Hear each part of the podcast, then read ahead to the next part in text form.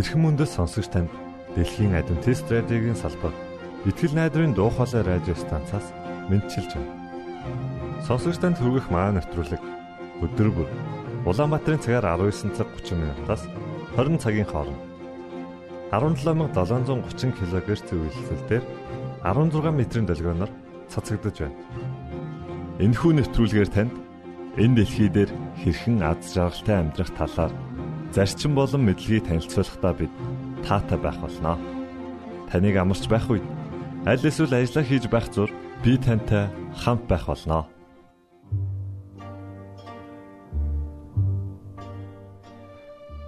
Энэ амралтын өдрийн хөтөлбөрөөр бид эзэн би чин зүрхнээсээ хүсэж байна хэмээх сайхан аялгаутай дуугаар эхлүүлж байна. Үүний дараа пастор Нямсрынгийн номлосон сургаал номлолын 2 дугаар хэсэг явах болно. Та нэвтрүүлгүүдэд хүлээн авч сонсноо.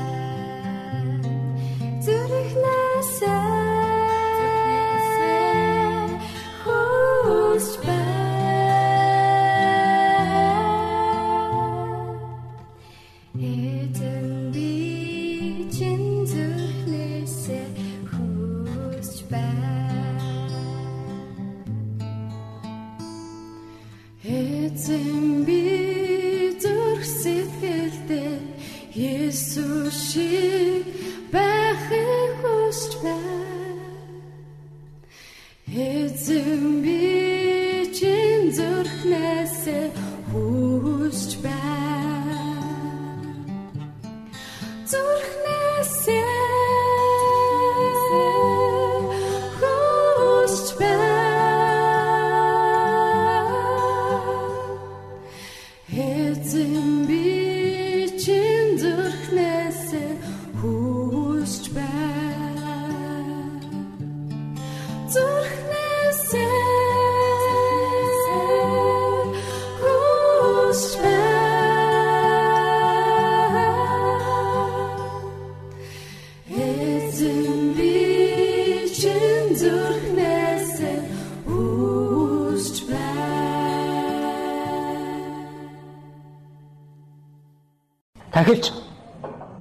тахилчаар дуудсан. За тахилчийн тухайд гурван гол санааг хэлчихье гэж бодож байна. Нэгдүгээр тахилчид бол ер нь бол дандаа айлын тэргүүн бол тахилч байсан байна. Айлын өрх гэр ууган хүмүүс.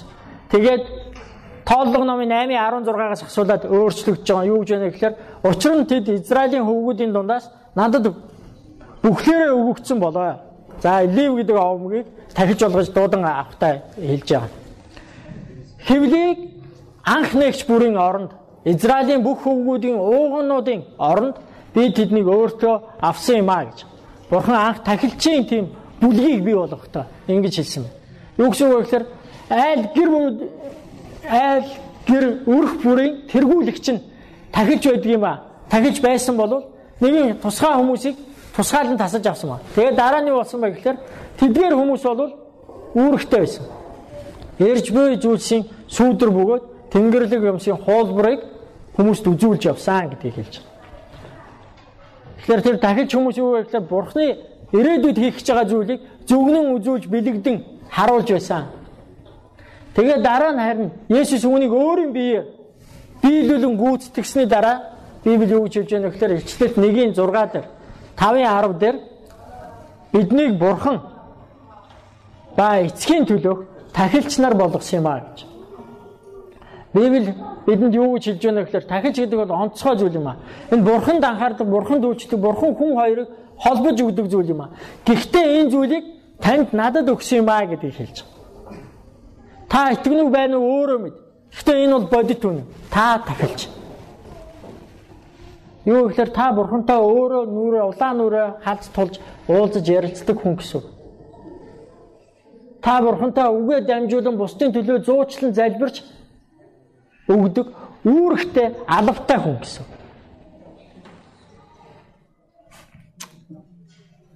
Тэгээ дөрөв хэрв та бүгд анзаарсан бол хандвийн цаг дээр Еврей 13-ийн 8-ыг уншсан.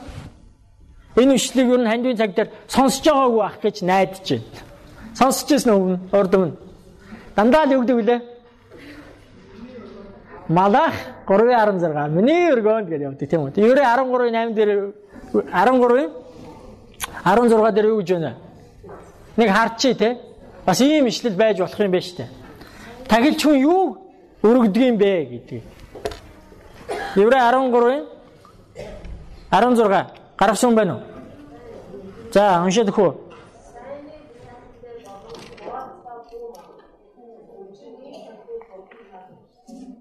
За. Тахил гэж юу хэлээд байгаа юм гэхээр сайныг үлдэх хийгээд бусдтай хуваалцахыг тахил гэж хэлээд байгаа юм аа. Үүнийг бурхан таалдаг юм аа гэж хэлсэн байна. Дараа чи бидний нөгөө авч үзэж байгаа үг хэллэг ойлголтуудын нэг зүйл бол ард түмэн гэдэг ба.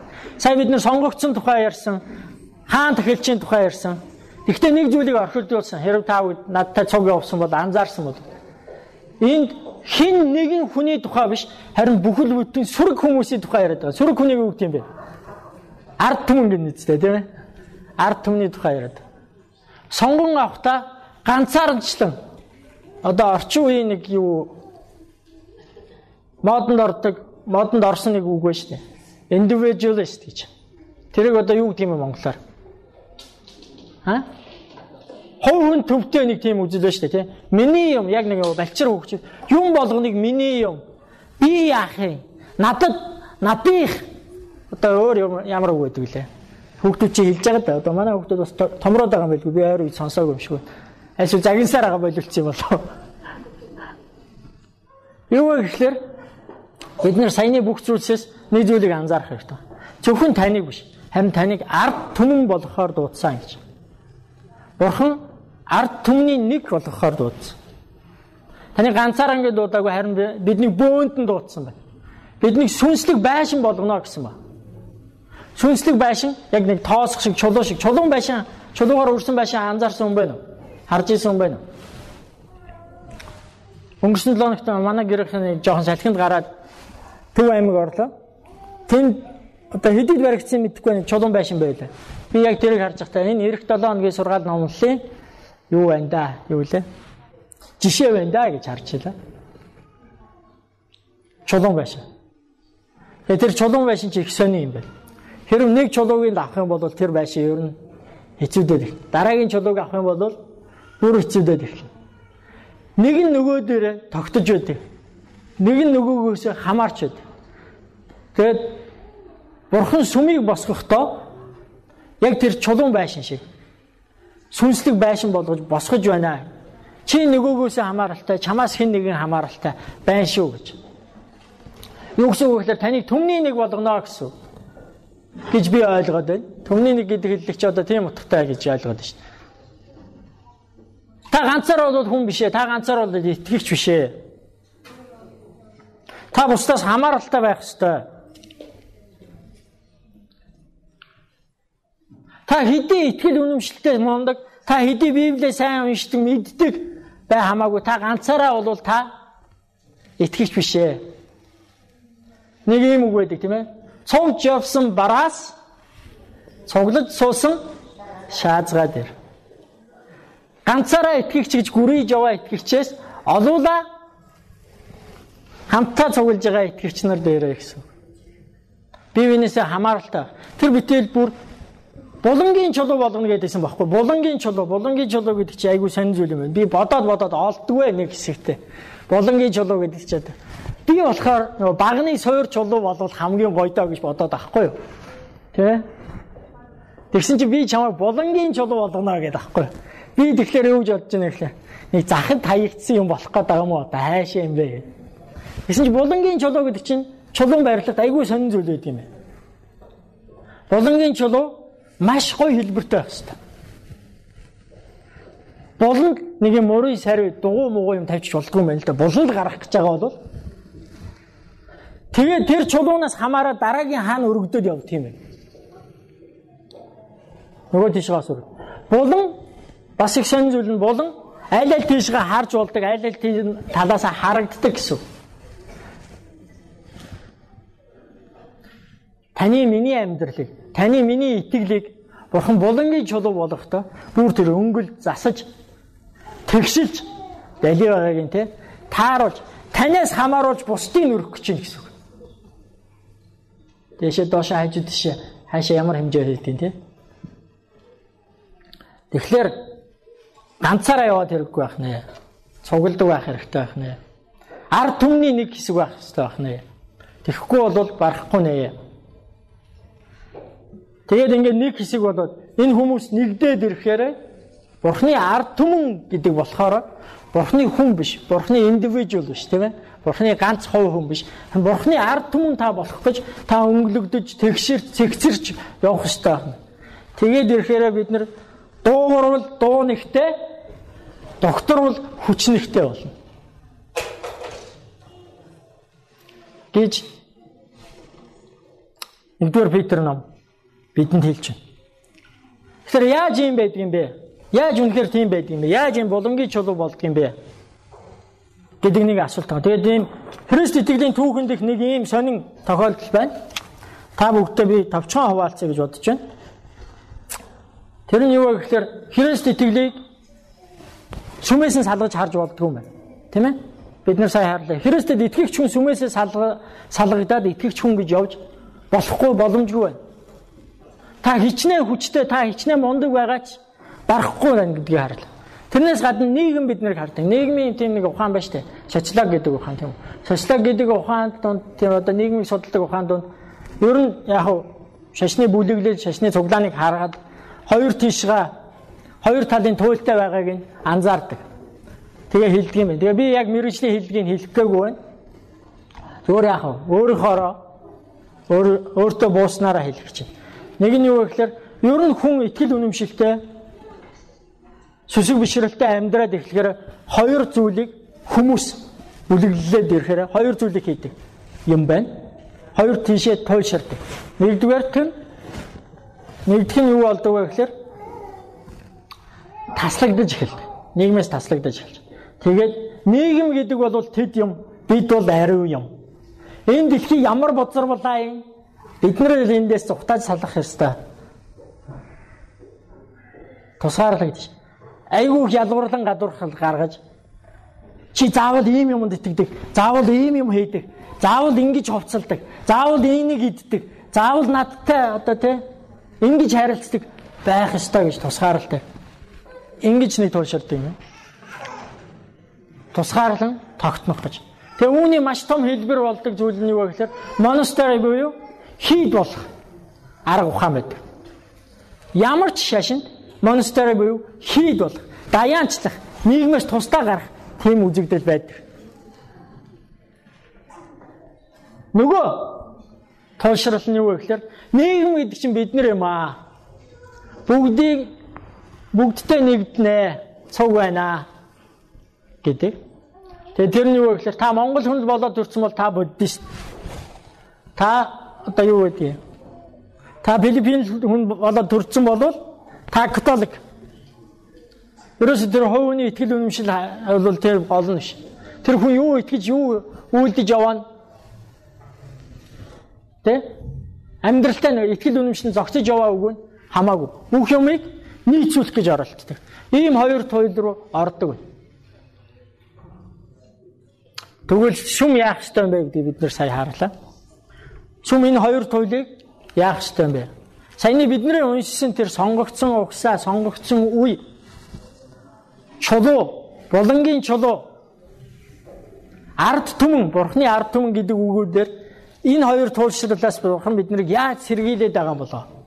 Энэ хоёрын дунд яаж явуулах гээд байгаа юм болоо? Дунд нь явуулах гээд байгаа юм болоо? Энэ хоёроос бүр ондоо явуулах гээд байгаа юм болоо? Христэд итгэгчдийн түүхийг харахаар ийм зүйл байна. Нэг ийм Светонис гэж хүний Оо айл дээр үед 2000 жилийн өмнө шахав. Үгүй биш арай худлаа ярих чинь. 1500 1600 жилийн өмнө шахав. Христ итгэлийн тухай бичсэн тэмдэглэл донд нэг ийм сонин зүйл байдаг юм байна. Христэд итгэгчид бол соёл уусан нэгддэггүй өөртөө тусгаарлан соёл гаргадаггүй харин Христэд итгэгч итгэлийн амьдрал гэдэг бол өөрөө бас нэгэн альтернатив тийм ээ өөрөө бусдтай нүүр тулдаг соёл юм аа гэж. Тэгээ Христэд итгэгчид бусдаас үргэлж онцгой ондоо өөр байсан юм аа гэдэг тэр хүн тухайн цаг үеийн Христ итгэлийг харуулan хэлсэн байна. Тэр нь юу вэ гэхээр Христэд итгэгчид ийм хідэн зүйлсээр бусдаас дандаа ондоо байсан гинэ. Тэгээ сайн одоо би эднэрийг дурдаад эхлэхээр та бүгд саяны хоёр туйлыг бодоод үзээрэй. Аль туйл нь вэ нэ? Тэ? Христэд итгэгчид түүхэн үднээсээ авч үзэх юм бол аль туйлд нь байсан болоо? Христэд итгэгчид нэгдүгээр Ромын одоо засаглал хаанчлалын үед нэгдүгээр нийтийн хушуурн дагдаг entertainment-д очидгүй байсан ба. Тэр нь ер нь голцоо галидатороодын тулаан байсан. Та Христэд итгэгч хүн бол тэрэнд очидгүй байж л тийм. Тэгээ нөгөөдөл нь гайхдаг хүмүүс нь. Өш өнөөдөр тийм тулаан болгож штэ. Тэдэн галидатор гарч ирнэ гэж. Нөгөө Спартак чи нөгөө Рассел Крус чи хиний дүр тоглолтог л. Марчлаа. Нөгөө тэр чиг байлдах чинь гэж юм гэл. Бөөнөрөө явдаг байсан юм тий. Христэд итгэж юм болохоор тийш явдаггүй. Тийм онцлогтой байсан. Дараагийн бас нэгэн онцлог нь Христэд итгэгчид айрамд хөлсөөр ажилддаг. Хүн хөлсөөр алдаггүй байсан гэсэн. Тэ? Айрамд явдаггүй. Милитаризм буюу төрөмгийлэн эзлэх зүйлстэй санд нэгдэхгүй, оролцдоггүй байсан байна. Дараагийн нэгэн зүйл нь Христэд итгэгчид абортыг ерөөсөө дэмжидэггүй байсан. Эрэгтэй хүүхэд гэдэг л чухал байж л дээ. Тэгээ төрхөөс өмнө тэр энэ эрэгтэй эмэгтэй гэдгийг мэдэж чадахгүй бол гарсан хойноо хүртэл хүүхдээ Ромын соёлд хайчдаг байсан маа эмэгтэй хүүхдээ. Христэд итгэгчид бол хизээш тэгдэггүй байсан. За тэгээ дараа чи Христэд итгэгчдийн онцлог нь сонин зүйл нь юу байсан бөхлөө. Эмэгтэйчүүд нь айгүй байр суурьтай, эрх мэдэлтэй, юмд оролцдог идэвхтэй байдаг гэсэн. Сүмийнх нь санаас сүм одоо та нар чи ингэ цуглаад байх юм. Энэ дунд чи одоо ахалж байгаа хүн хэн байна вэ гэхээр өрн голцоо эмхтэй хүн гараад ирдэг байсан. Би ч одоо ямар янзын шашин бэ? Яахлаараа юм байд юм гайхдаг байсан. Бас нэгэн бусдаас ялгараад байсан зүйл нь юу байсан бөхөөр Христэд итгэгчид ижил хүүхднүүдтэй ерөөсөө зогцдгүй тэдний нийцдгүй тэдний хүлээн зөвшөөрдөггүй байсан. Нийгэм тэр аяараа хүлээн зөвшөөрсөн байна. Би 1500 600 700 жилийн өмнөх юмыг ярьж штэ тийм үү? Христэд итгэгч тухайн нийгэмтэй ямар одоо тий харьцаатай юм уу, харьцалдаантай юм уу байсан бэ гэдэг. Дараагийн нэгэн онцлог нь болохоор Христэд итгэгчид ядуучуудад туйлгүй их өгдөг байсан.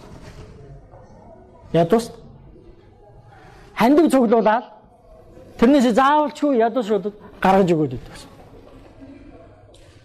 Дараагийн нэг зүйл бол Христэд итгэгчид арьс сүнг нийгмийн гарал давхар хамаагүй нэгддэг цугладаг байсан.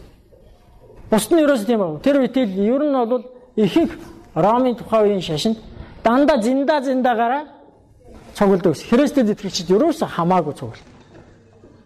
Хамаагүй мөргөлөд. Тэгээд одоо сүүлийнх нь хэлэх чинь хамгийн хэцүү нь Христэд итгэгчдийн хамгийн хэцүү нь одоо Ромын цаг үед тийм ээ хамгийн хэцүү нь юу байсан бэ гэхээр зөвхөн Христ гэж ярьдаг байсан. Ромч зөндөө олон бурхад байсан. Афродита, Муза, юу юу лээ одоо бидний өнөөдөр Монгол хүртэл яригадаад байгаа нэг бурхад чаа. Зөндөө олон бурхадтай. За тэгээ энэ тгэр рүү очих юм бол Вишну, Кришна за одоо юу вэ тийм те. Ер нь дэлхий тэр аяараа зөндөө олон бурхан байна. Бурхад байна гэж боддог. Христэд итгэгчид наад бол чи бүгд худлаа цор ганц Есүс. Цор ганц Христ. Зөвхөн Христээр аврал ирнэ. Зөвхөн Христ жинхэнэ юм аа гүрийчдэг байсан. Тэрүүгээр ондоос. Тэгэхээр саяны энэ шинжүүдийг Ромын цаг үед байсан Христ итгэлийн тэр ард түмнүүдийн энэ шинжүүдийг харахаар хоёр туйлын аль нь вэ? Бид нар өнөөдрийн нийгэмдээ яаж Бурхны ард түмэн сонгогдсон угсаа сонгогдсон үе байх вэ?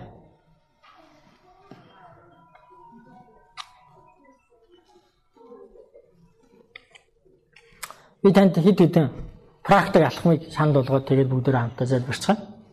Нэгдүгээр та бусад Христэд итгэгчтэйгээ үргэлж холбоотой бай. Таны холбоотой байх. Холбоотой байх.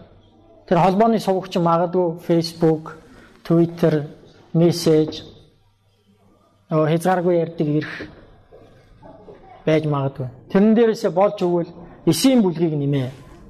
Тэгээ эсийн бүлэг чинь цуглахтаа зөвхөн нэг сонирхлын клуб биш. Харин үнэхээр Христэд суурилсан, үнэхээр бие биенийгээ булгангийн чулуу болгож өнгөлдөг тийм эцсийн бүлгүүч бүлэг болгохоор тэгээд цуглаа. Тэгж холбоотой бай. Библийг уншдаг бай, тэ? Хамтраад уншдаг бай. Тэгвэл та ганцаараа бас хэцүү хэцүү.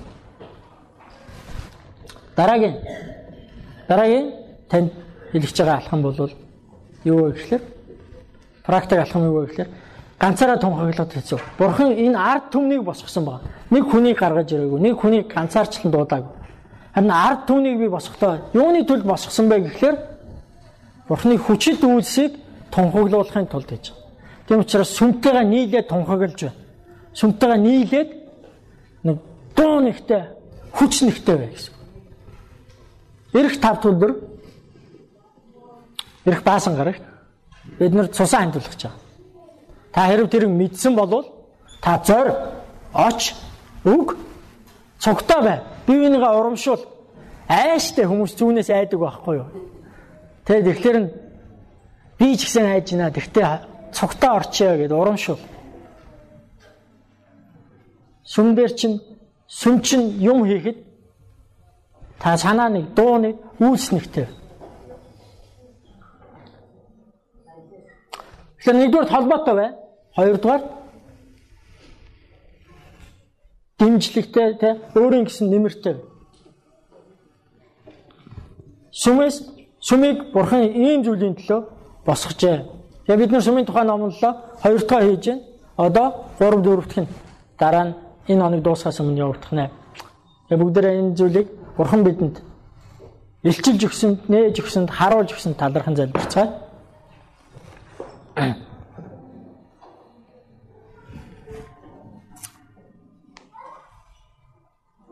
Есүс эзэн бурхан.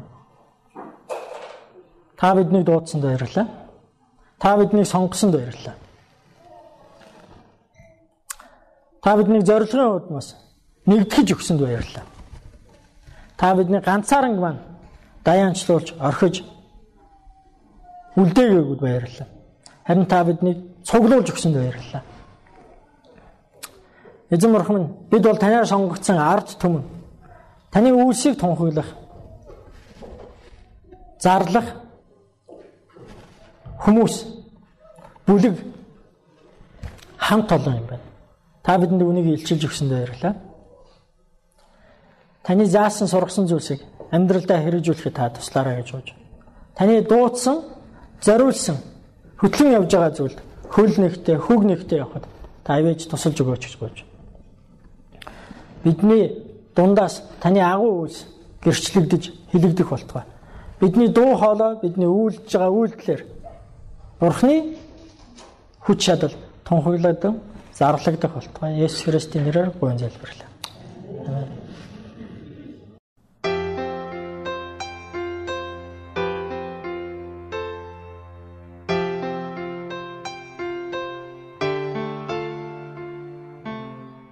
Гэр бүлийн мод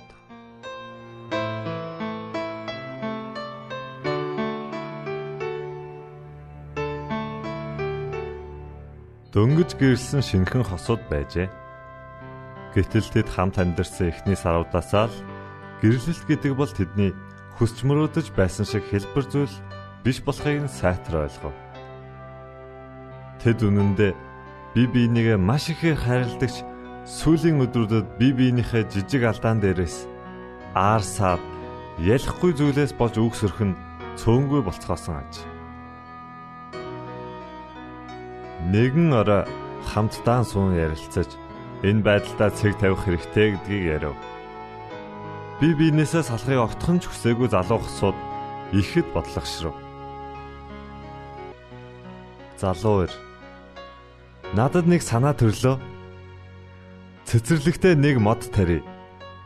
Хэрвээ тэр мод 3 сарын дотор хатаж гандаж өхвөл бид салцгаана. Харин эсрэгээрээ сайхан ургуул салах тухай хизээш дахин ярихгүй. Мөн энэхүү хугацаанд өөрөөр өрөөнд бай гэлээ.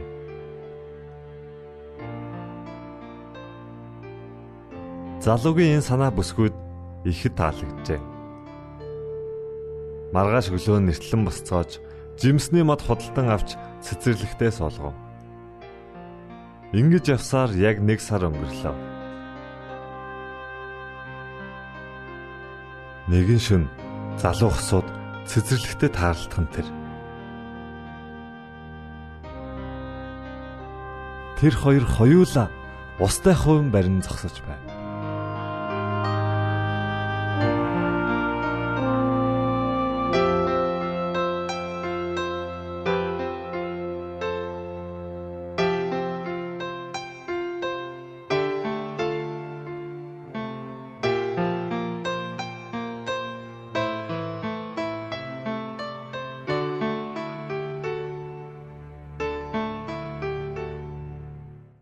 Итгэл найдрын дуу хоолой радио станцаас бэлтгэн хөрөгдөг нэвтрүүлгээ танд хүргэлээ.